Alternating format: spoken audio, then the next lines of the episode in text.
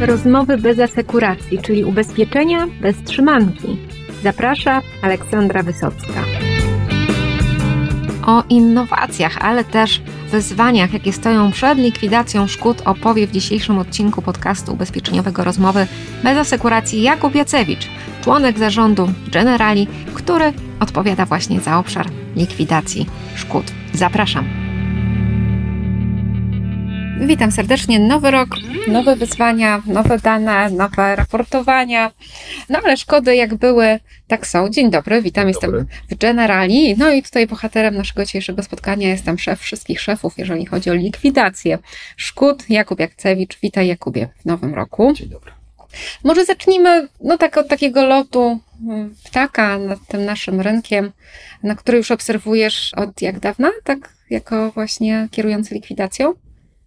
Kierujący likwidacją to pewnie będzie 15, może nawet 18 lat. Natomiast likwidacji szkód, z likwidacją jestem związany od 2000 roku, czyli 20, 23 rok.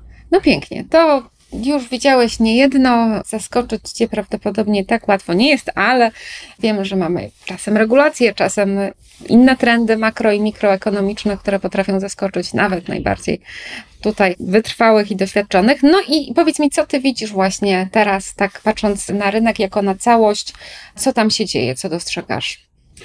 Kontekście likwidacji szkód na pewno inflacja, która dotyka szczególnie tej części szkód rzeczowych i mam tutaj na myśli czy ubezpieczenia domów i mieszkań albo firm. Tu szczególnie dokuczają nam ceny materiałów budowlanych, czy inflacja cen usług remontowo-budowlanych. No i oczywiście najgorętszy temat to jest inflacja na rynku szkód komunikacyjnych. Mówię tutaj o naprawach pojazdów też rzeczywiście ten trend jest niepokojący. Wchodzi, jakby widzimy go z pewnym opóźnieniem, czyli te odczyty inflacyjne oscylujące gdzieś na granicach 17%. Dzisiaj pojawiają się w szkodach troszkę później, natomiast rzeczywiście inflacja średniej szkody rzeczowej no, jest takim gorącym problemem, myślę, że dla wszystkich. Do tego drugi hot topic to rekomendacje Komisji Nadzoru Finansowego, które jeszcze w pewien sposób wzmagają ten efekt inflacyjny dla nas. Natomiast tutaj, jeżeli chodzi o rekomendacje Komisji Nadzoru Finansowego, myślę, że takim tematem dużym jest jeszcze spora niepewność co do tego, jak te rekomendacje ukształtują praktyki i po stronie warsztatów, i po stronie ubezpieczycieli. Widzimy sporą niepewność, też mówiąc zupełnie wprost, i to pojawia się też w materiałach prasowych, ubezpieczyciele nie mają pewności co do ostatecznego kształtu, czy właściwie jakby interpretacji Komisji Nadzoru Finansowego, jeżeli chodzi o sposób wdrożenia tych rekomendacji. No, rekomendacja 17.3 w pewien sposób zakwestionowana przez Sąd Najwyższy w ostatnich dniach. Tutaj też pojawia się pytanie, w jaki sposób Komisja Nadzoru Finansowego do tego podejdzie. Tego jeszcze nie wiemy, musimy na to chwilę zaczekać. No cóż, czyli będą też nowości w tym roku, czekamy na nie z niecierpliwością. Czyli ta uwaga, tak podsumowując, przeszła trochę na stronę majątkową, gdzie przez wiele lat e, takim głównym spędzającym sens powiek tematem to były szkody osobowe, jakieś zadośćuczynienia i galopujący ich wzrost, ale to chyba już teraz nie do końca tak jest. Jakbyś mógł powiedzieć z perspektywy generali, co się dzieje z kolei w szkodach osobowych? W szkodach osobowych mówimy o C, zakładam. Wydaje się, nie wiem, czy mogę to tak nazwać, pewien spokój, jeżeli chodzi o, o ten wymiar regulacyjny, czyli no nie spodziewamy się, że w najbliższym czasie wejdą jakieś zmiany przełomowe, które mogłyby istotnie wpłynąć na zwiększenie, zmniejszenie obciążeń. Z tego tytułu praktyki ubezpieczycieli wydaje się, że są mniej więcej ugruntowane od dłuższego czasu tendencji w otoczeniu takim, nie wiem, mikroekonomicznym, czy nowych zjawisk pochodzących chociażby z rynku kancelarii odszkodowawczych też specjalnie nie notujemy. Więc wydaje się, że szkody osobowe, przynajmniej w najbliższym czasie, to jest taki temat, który będzie najbardziej stabilny. No to miłe, że coś może być stabilne. No i oczywiście, jak jest mało szkód osobowych, to jest też z wielu przyczyn pozytywne zjawisko. No i do, dochodzi nam regulacja potencjalna kancelarii odszkodowawczych która też jest, prawda, w trakcie i tutaj dyskusje są gorące. Też jak patrząc na wyniki tych kancelarii, no to widać, że tutaj też możemy coś obserwować, no ale tutaj już dyplomatycznie nie pytam będziemy obserwować, poczekamy na Będziemy fakty. obserwować, dokładnie. I wtedy będziemy dyskutować, ale czy tutaj mogę o jakieś liczby spróbować Was wypytać? Oczywiście nie mówię o kancelariach odszkodowawczych, tylko mówię właśnie, czy nawet procentowo, jak ta wielkość tych średnich szkód w różnych obszarach u Was wychodzi, jaki jest trend, to zdecydowanie rośnie i jakiego rzędu to są wzrosty mniej więcej w majątku, a jak to wygląda, jeżeli chodzi o osobówkę i cały czas jesteśmy jeszcze w komunikacji szeroko pojętej, tak? W szkodach osobowych nie widzimy, znaczy widzimy oczywiście inflację po stronie tej części świadczeń odszkodowawczych nie będących zadośćuczynieniem, czyli mówimy tutaj o kosztach transportu, kosztach leczenia, czy kosztach zakupu leków, to rzeczywiście widzimy inflację. Natomiast z uwagi na to, że głównym komponentem wypłaty w szkodach osobowych jest zadośćuczynienie, to ta inflacja jakoś istotnie nie rzutuje na średnią wypłatę, czy na łączny koszt z tego tytułu, więc myślę, że tu zbyt wielu interesujących informacji pewnie nie mam. Jeżeli chodzi o szkody rzeczowe, to rzeczywiście widzimy tę inflację, inflację przekraczającą 10% i ona rzeczywiście postępuje. Do tego dokładają się jeszcze rekomendacje Komisji Nadzoru Finansowego, które również jakby skutkują kilku.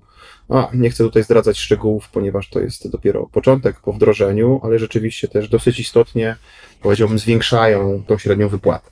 Także tak to wygląda. Więc podsumowując, po stronie szkód osobowych delikatna inflacja wynikająca rzeczywiście ze wzrostu wypłat w tej części nie dotyczącej zadośćuczynienia i w szkodach rzeczowych inflacja widoczna, no, możemy powiedzieć, że właściwie dwucyfrowa, no, nazwijmy to w ten sposób. Dwucyfrowo, tak. To jest pojemne, no ale myślę, że też wszyscy uczestnicy rynku mniej więcej widzą, co tu Tak. się dzieje, więc jakichś tajemnic tu nie ma. No ale teraz przejdziemy do tej bardziej takiej może jasnej strony, bo rozumiem, że zmotywowani tymi kosztami, tym bardziej do tych projektów, które pozwalają tymi kosztami zarządzać, tym więcej serca płynie i energii. No i tutaj pojawiają się kolejne wdrożenia, Mhm. usprawniają się szybkie ścieżki. Też rozmawialiśmy już o tym chyba ze trzy lata temu, nie wiem, kilka, kiedy to był tak naprawdę dopiero początek, a nam się wydawało, że to już jest bardzo dużo, ale teraz jest bardzo dużo, więc podsumujmy szybka ścieżka w generali, jak szybka jest. Czy to jest taka niemiecka autostrada już, czy taka jeszcze polska A2?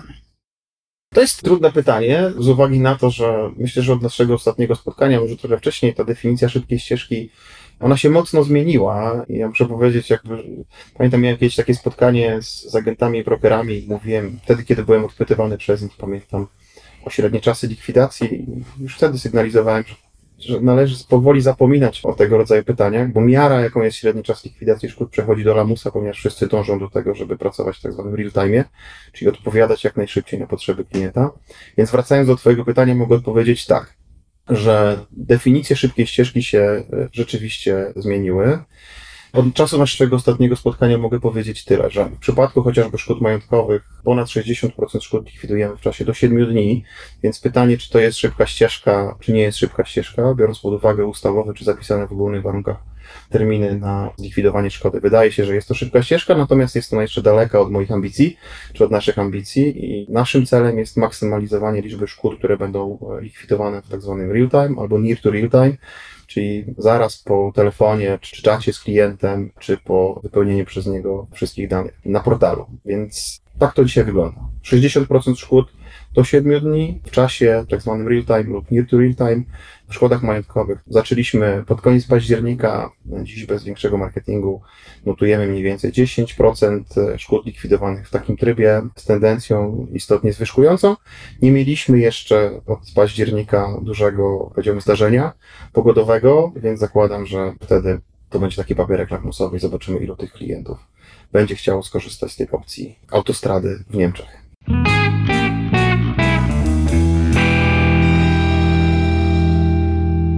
To, co właśnie sobie myślę o tej szybkiej likwidacji, że no samochód już jest w stanie i coraz częściej sam wzywa policję w razie kolizji. I blisko do tego już, żeby od razu wysyłał pusza, zrób zdjęcia, jeżeli żyjesz, wciśnij jeden. Jak, jak już nie żyjesz, wciśnij dwa, tak, to jest inna kwestia, ale że no, odszkodowanie w momencie zdarzenia, zwłaszcza, że zdjęcia mogą być z góry, tak robione, albo po sile uderzenie mierzone inaczej, już ci możemy właściwie wypłacić.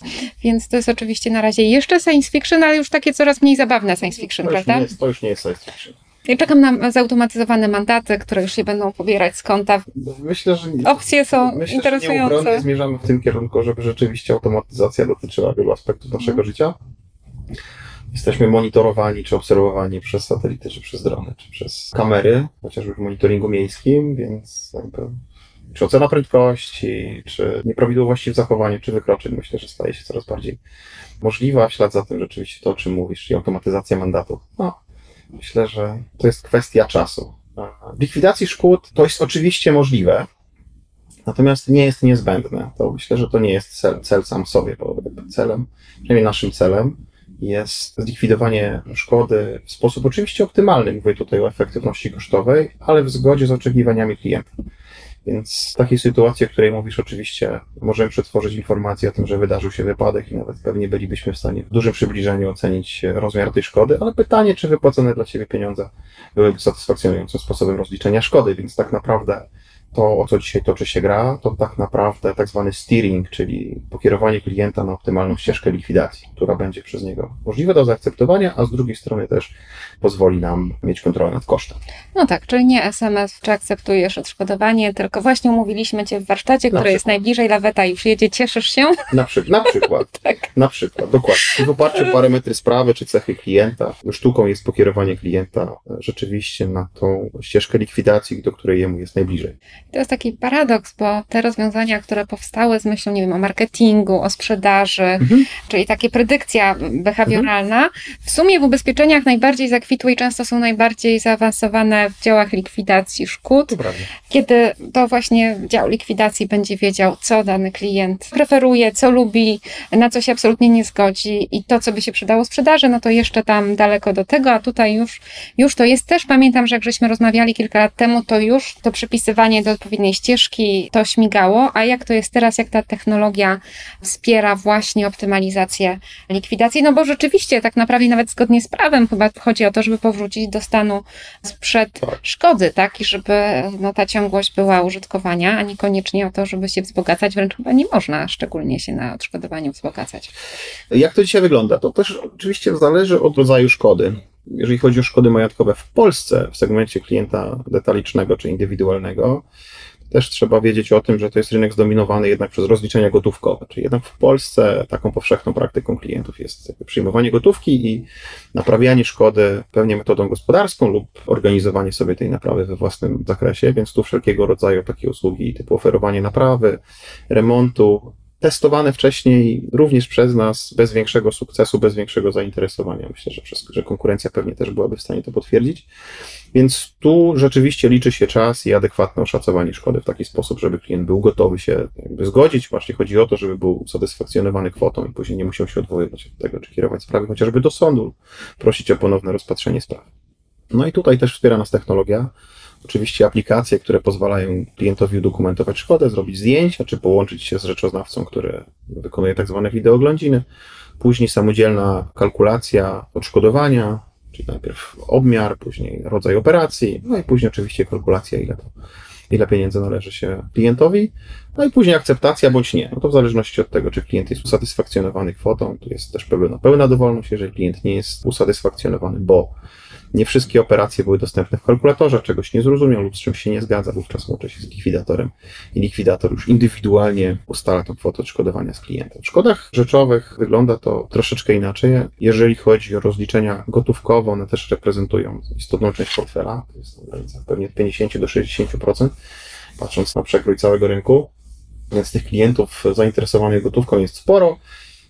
No i tutaj, żeby ocenić, ustalić wysokość odszkodowania, ale też ustalić jakby zakres szkody, możemy korzystać z technologii, czyli mamy aplikacje, które pozwalają klientowi załączyć zdjęcia lub połączyć się z rzeczoznawcą, wykonać te wideooględziny. Teraz coraz częściej stosowana jest technologia image recognition, czyli no visual intelligence, w zależności od nazwa zależy też od dostawcy. Czyli mówimy tutaj o aplikacjach, które umożliwiają klientowi wykonanie zdjęć, natomiast zdjęcia są odpowiednio przetwarzane przez technologię. Na tej podstawie następuje ocena czy rozpoznanie uszkodzonych elementów i ustalenie wysokości odszkodowania, które jest oferowane klientowi bez udziału człowieka. Jeżeli chodzi o kierowalność, no to tutaj rzeczywiście też wspiera nas właściwie nie technologia, co zaawansowana analityka, czyli w momencie, kiedy klient pojawia się u nas na ścieżce zgłoszeniowej, czy jest to portal, czy jest to kontakt center. Wówczas staramy się na podstawie informacji o szkodzie, informacji o kliencie, jakby zestawić te informacje z danymi historycznymi i zaproponować najbardziej taką dopasowaną dla danego klienta, biorąc pod uwagę te wszystkie parametry. Ścieżkę likwidacji, czyli patrzę chociażby preferowaną sieć naprawczą, czy to jest serwis dealerski, w zależności też od wieku pojazdu, marki i tak dalej, ale też historycznych, na przykład wyborów danego klienta, sieć nieautoryzowana, współpracująca. Czasami jest to też szkoda całkowita i też jest sztuką rozpoznania szkody całkowitej przy pierwszym możliwym momencie, żeby klient uniknął już później nieprzyjemności kiedy pojedzie do warsztatu, będzie oczekiwał na naprawę, później w toku wykonanych oględzin okaże się, że jednak tej szkody nie należy naprawiać tego samochodu, nie należy naprawiać, tylko trzeba rozliczyć to metodą różnicową, czyli metodą szkody całkowitej. Także to działa. Dążymy do tego, żeby ten proces zautomatyzować, czyli celem grupy Generali jest zmaksymalizowanie szkód, które mogą być likwidowane bez udziału człowieka, który występuje tak naprawdę tylko podmiot poszkodowany i podmiot naprawiający, a wszystko, co się dzieje pomiędzy, chcielibyśmy, żeby było zautomatyzowane, również dopasowanie ścieżki likwidacji. Czyli już dzisiaj mamy modele, tak zwane modele kierowalności, które potrafią dokonać tak zwanej predykcji, czyli przewidzieć, jaka ścieżka jest najbardziej preferowana przez klienta. One jeszcze dzisiaj działają na zasadzie manualnej, czyli jakby podpowiadają likwidatorowi, natomiast jeszcze nie generują kampanii dla klienta widocznej w serwisie internetowym. Planujemy wdrożyć te modele, czy już taką funkcjonalność generowania kampanii dla klienta do końca tego roku. Przynajmniej w Autokasko. Myślę, że do połowy przyszłego roku będziemy to już również mieli w ubezpieczeniu OC.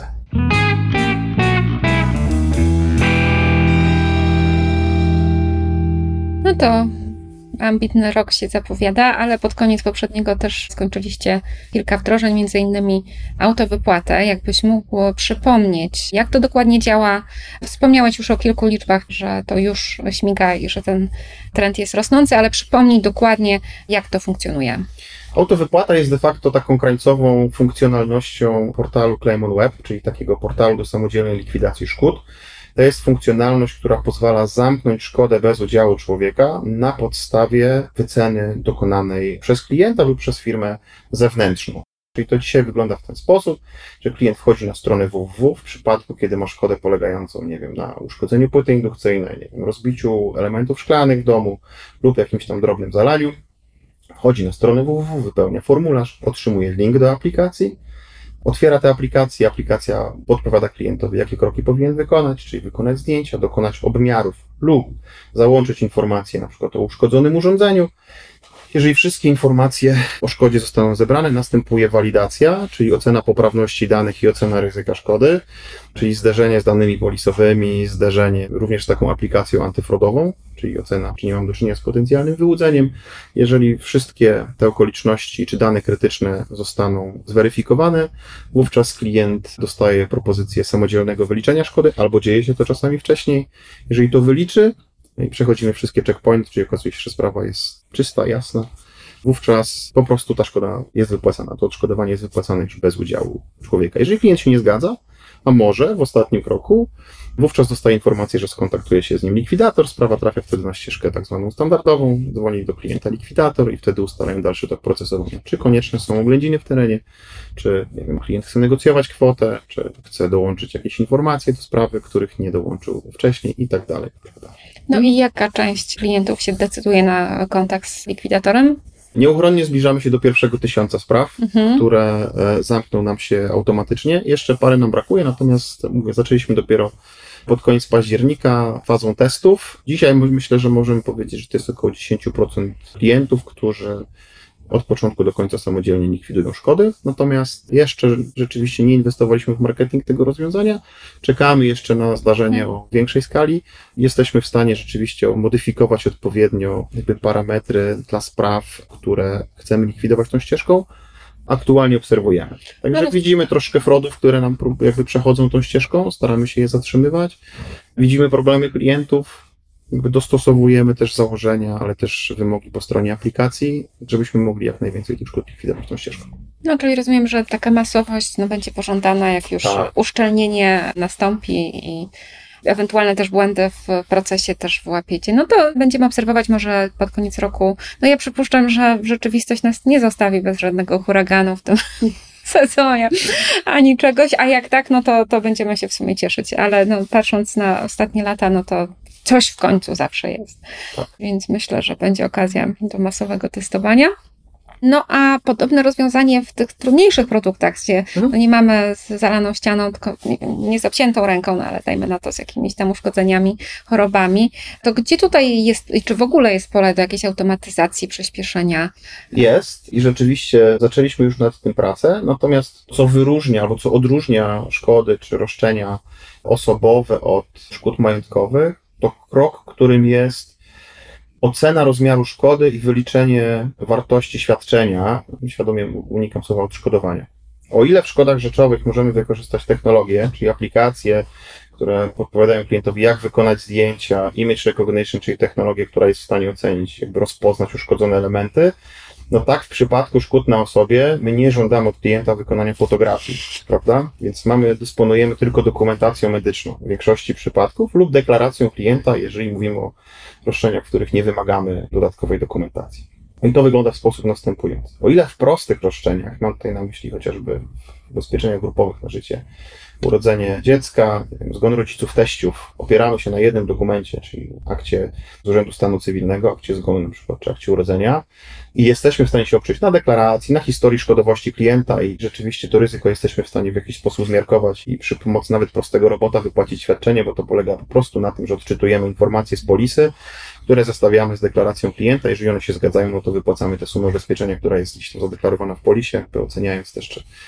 składkę opłaconą, czy nie występowały karencje i tak dalej. To jest bardzo proste. W przypadku rajderów medycznych, patrz poważne zachorowanie czy operacja chirurgiczna, no to jakby tutaj kluczem są dwie rzeczy. Po pierwsze, właściwie trzy. Deklaracja klienta, która nam pozwoli rzeczywiście skupić uwagę na konkretnym zdarzeniu. Dwa, weryfikacja dokumentacji medycznej, czyli powinniśmy w jakiś sposób do niej sięgnąć. No dzisiaj sięgamy do niej w ten sposób, prosząc lekarza o to, czyli lekarz czyta nawet tę dokumentację. Natomiast ten proces pewnie trzeba rozbić na dwa elementy.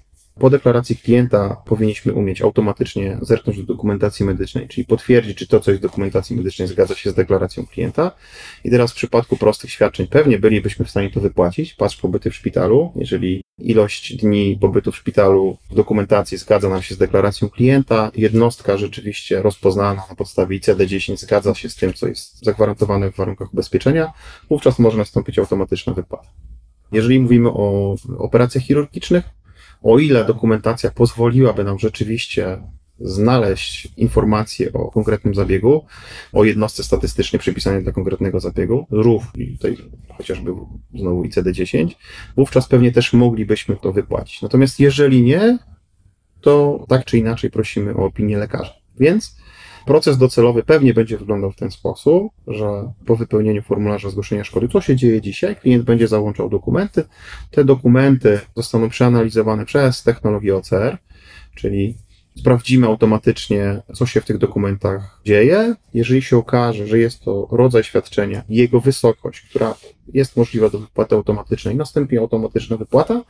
Natomiast jeżeli nie, system automatycznie przekaże to do lekarza. Lekarz zajrzy w tę dokumentację, potwierdzi prawidłowość rozpoznania właśnie przez OCR i sprawa się wypłaci. Czyli chcemy tutaj zminimalizować udział likwidatorów do spraw, które są nierozpoznane przez technologię, które pozostawiają sporo wątpliwości, które są duże, które są skomplikowane lub wielowątkowe. Czyli naszym celem jest zautomatyzować to, co się nadaje do automatyzowania. Więc myślę, że kilkadziesiąt procent takich spraw w portfelu rzeczywiście ma potencjał do automatyzacji. Pozostałą częścią będą się zajmowali likwidatorzy. No dobrze, to już na koniec, jakie plany na ten rok, jakie priorytety? Priorytety na ten rok to przede wszystkim zamknięcie projektu Climon Web dla szkód majątkowych, czyli chcemy rzeczywiście ten proces wygrzać, uszczelnić i oddać w pełni na produkcję. Ten sam cel dla szkód z ubezpieczenia autokasko, czyli również chcemy dopiąć, domknąć proces automatycznej likwidacji funkcjonalnością autowypłaty. Do tego oczywiście chcemy dograć jeszcze aplikację działającą w oparciu o image recognition, czyli rozpoznającą uszkodzenia i stymującą szkody.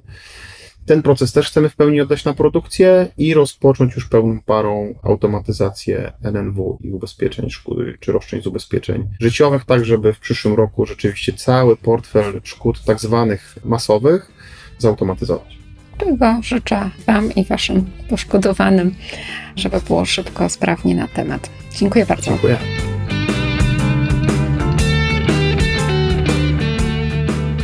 Ciekawe jest to, że w naszej branży ubezpieczeniowej motorem innowacyjności nie jest sprzedaż, nie jest marketing, nie jest e-commerce, ale właśnie likwidacja szkód. I najczęściej w zakładach ubezpieczeń to właśnie tam w likwidacji dzieją się najciekawsze rzeczy, są wdrażane i testowane najnowsze technologie. Będziemy jeszcze wiele razy do nich powracać, a ja bardzo pozdrawiam wszystkich słuchaczy, wszystkie słuchaczki z branży ubezpieczeniowej. Do zobaczenia w kolejnych odcinkach.